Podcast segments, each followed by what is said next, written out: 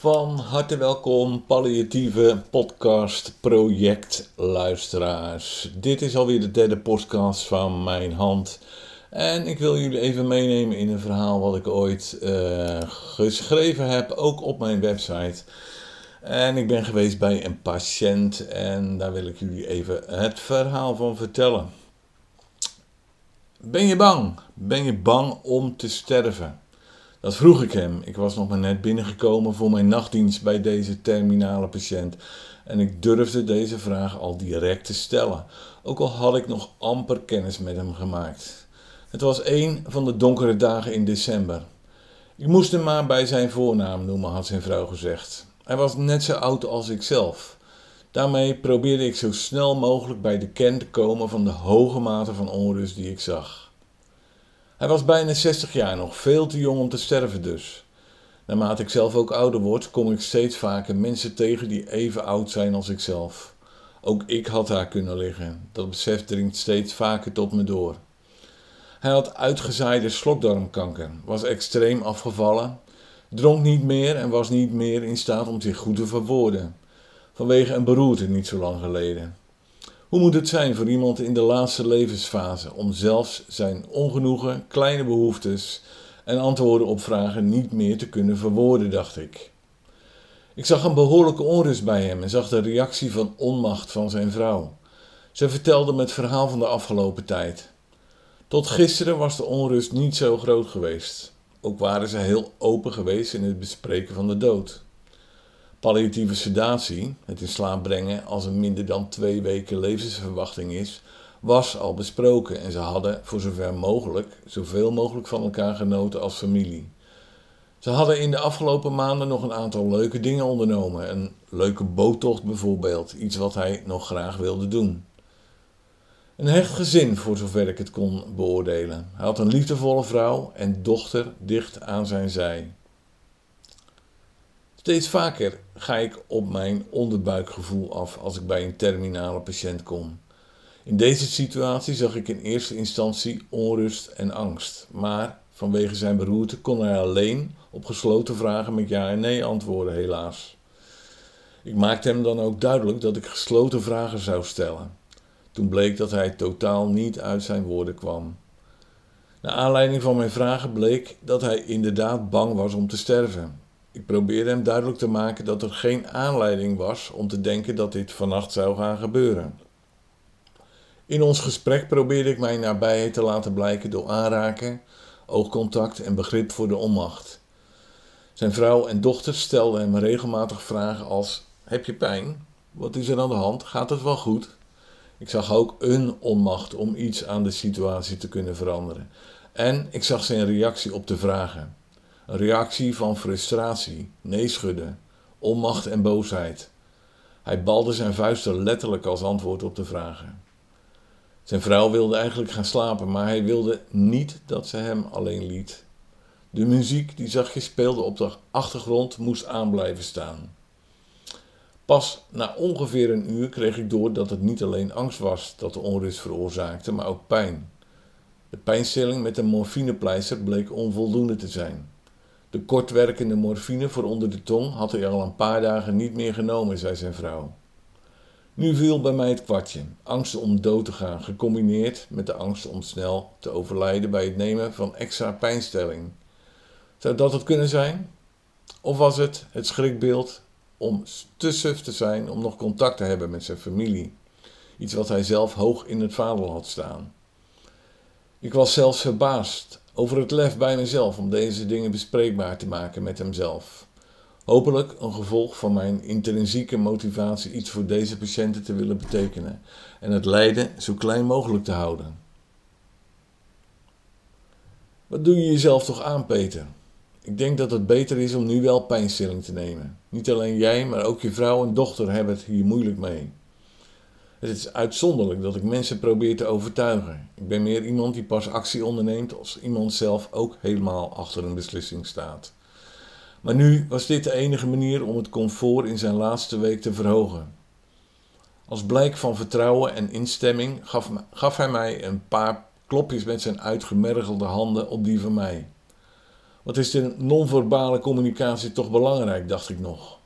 En dat je goed observeert en interpreteert.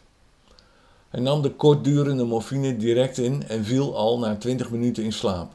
Hij had daarbij een redelijke nachtrust. Maar de onrust bleef aanwezig op de ongeveer vijf momenten dat hij die nacht wakker werd. Ik liet dan mij nabij blijken door bij hem te gaan zitten en zijn handen even vast te houden of aan te raken.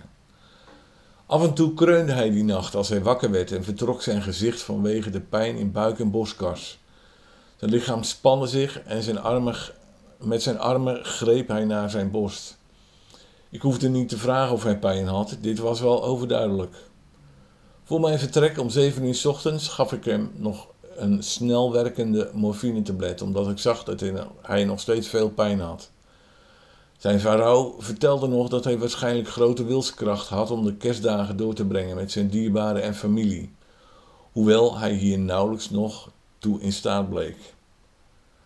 Voordat ik vertrok, drong ik er nog op aan om een verhoging van de pijnstilling te vragen aan de dokter die ochtends langs zou komen. De volgende avond bleek dat hij een redelijk rustige dag had gehad. Extra pijnstilling bleek niet nodig te zijn, omdat hij de kortwerkende morfine een aantal keren had ingenomen. Verder was er geen extra pijnstilling voorgeschreven door de huisarts. Toch was de nacht weer onrustig. Mijn eigen onmachtig gevoel kwam naar boven borrelen. Te veel pijn samen met angst voor het sterven blijkt moeilijk om aan te zien. Niet alleen voor de familie en dierbaren, maar ook voor mij. Waarom had hij niet voor palliatieve sedatie gekozen, terwijl dit zo goed besproken was van tevoren? Nu was voor, naar mijn mening de tijd om het in te zetten. De criteria klopten tenslotte. Hij had niet langer dan een week te leven. Nee, geen palliatieve sedatie, dat had hij overduidelijk aangegeven. En zelfs die tweede nacht wimpelde hij ook de snel werkende morfine af. Toch probeerde ik het een paar keer aan hem te geven, maar zonder dwingend te zijn. Tot er een moment kwam dat hij het toch accepteerde. Het was ook niet helemaal duidelijk hoeveel van de informatie die ik hem gaf nog binnenkwam. Hij reageerde vertraagd en soms helemaal niet. De pijn bleek echter nog steeds overduidelijk aanwezig. Ik besefte dat ik zelf ook de drang tot controle moest loslaten. De drang om te overtuigen tot palliatieve sedatie, tot meer pijnstilling. Ik moest mezelf dwingen om onmacht, angst voor de dood en soms zelfs vreselijke pijn bij Peter er gewoon te laten zijn. Hij koos hier bewust voor. Hij had misschien zelf niet gedacht dat de angst zo'n belangrijke rol nu nog zou spelen. Had hij mij gevraagd die nacht: hoe lang duurt het nog? Een van de weinige zinnen die er helemaal duidelijk en helder uitkwam. Opmerkelijk voor iemand wiens spraak door kortsluiting vernietigd was.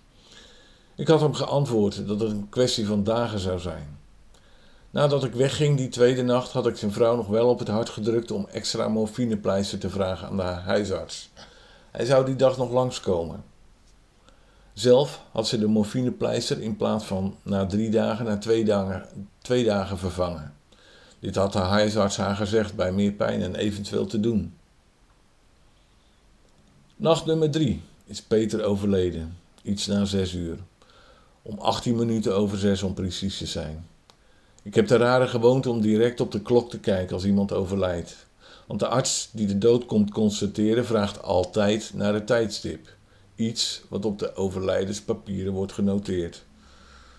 Vanaf een uur of drie begonnen de eerste tekenen zich aan te dienen. Een snellere en oppervlakkige ademhaling. Minder doorbloeding in gezicht en ledematen.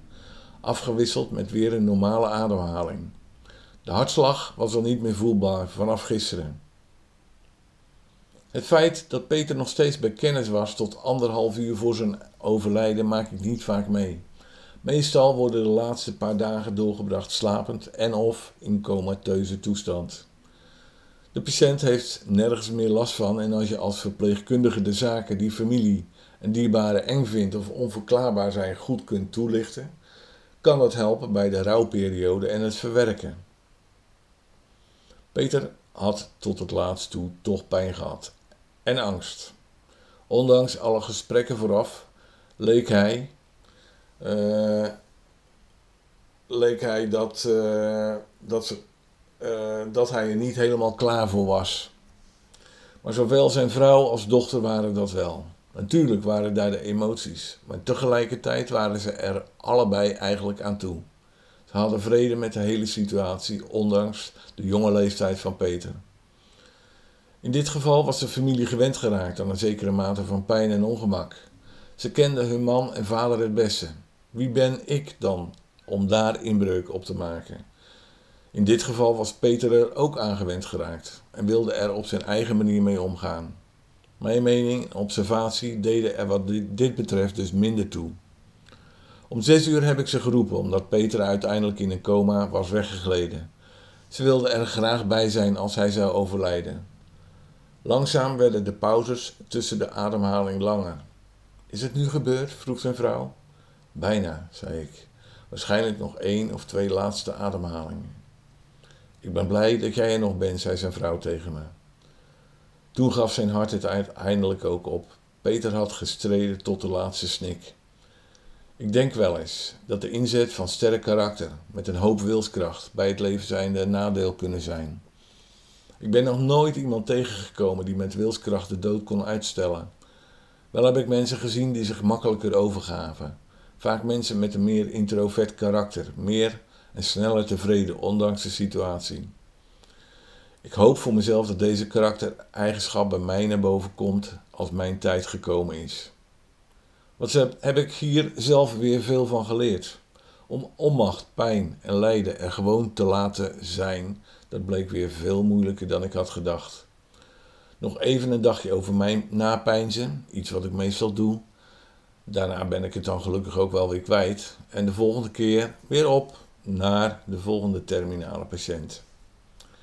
Nou, dit was alweer podcast nummer 3. Ik hoop dat je het interessant vindt en geïnspireerd en gemotiveerd bent om ook veel voor palliatieve patiënten te betekenen. Misschien ben je zorgverlener of mantelzorger of gewoon belangstellende en wil je mijn podcast volgen. Dat kan natuurlijk. Uh, je kan ook even een kijkje nemen op mijn website komopvoorzorg.nl of palliatievezorgonline.nl. Uh, als je belangstelling hebt, kan je natuurlijk ook lid worden van de Facebookgroep Harmonie en Regie rondom het levenseinde. Gewoon even via Facebook even de naam intoetsen en dan kom je daar wel en kan je lid worden. Uh, daar houd ik je op de hoogte van veel informatie uh, rondom het sterven, rondom palliatieve zorg. En dan hoop ik dat je misschien ook deze podcast een like wil geven. En als je me een review zou willen geven, dan zou ik je daar ook heel dankbaar voor zijn. Nou, tot de volgende keer en bedankt voor het luisteren. Tot ziens. Groetjes.